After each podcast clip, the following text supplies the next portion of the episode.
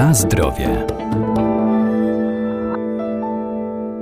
Codzienny ruch i aktywność mają korzystny wpływ na nasze zdrowie, ale to nie tylko ćwiczenia fizyczne, to także czynna turystyka, rekreacja i wypoczynek na powietrzu. Coraz większym zainteresowaniem cieszy się turystyka kajakowa, a to ciekawa forma spędzania wolnego czasu na łonie natury, która łączy poznawanie piękna przyrody z dbaniem o kondycję fizyczną.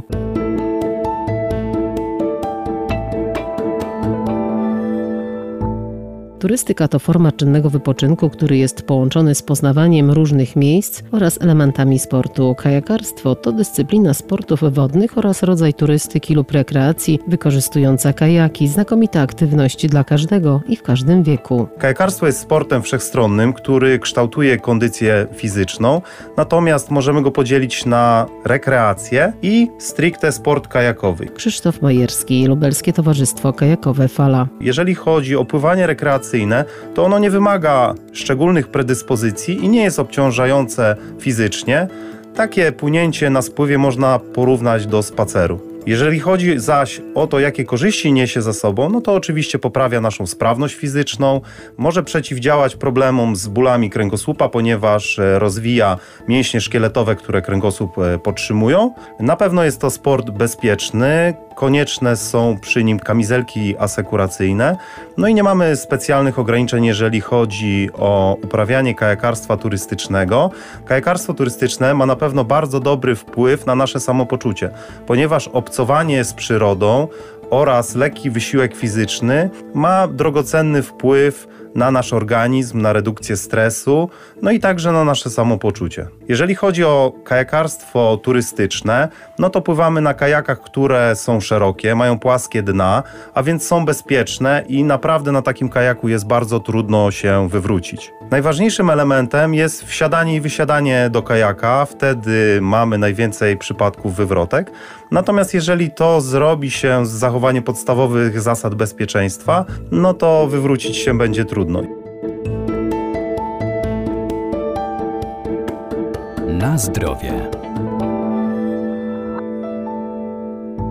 Kajakarstwo turystyczne to nie tylko relaks, ale także trening dla mięśni. A jak się przygotować do takiej przygody kajakowej i co jest ważne przy wiosłowaniu? Jeżeli chodzi o samo pływanie, no to angażuje ono głównie ramiona w tym wydaniu turystycznym.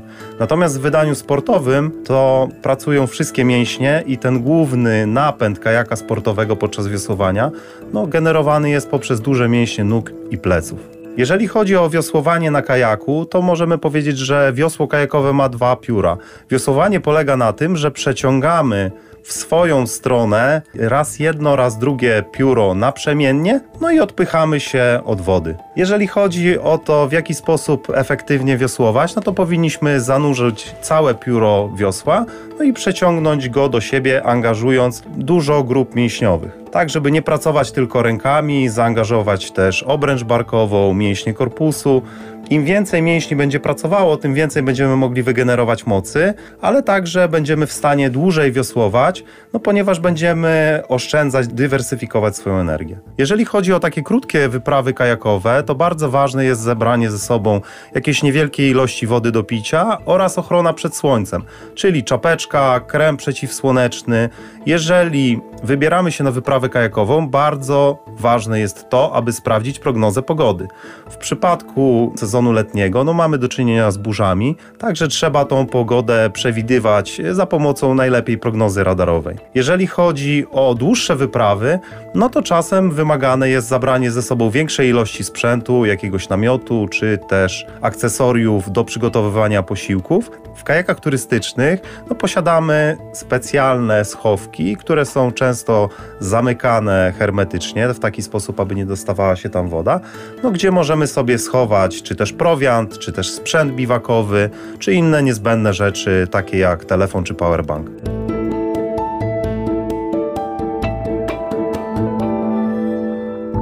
Płynąc kajakiem można odkrywać świat i zobaczyć nawet znane miejsca z zupełnie nowej perspektywy, ale by taka wyprawa była nie tylko przyjemna, ale także bezpieczna, należy zapoznać się z regulaminem i przestrzegać wszelkich zasad bezpieczeństwa.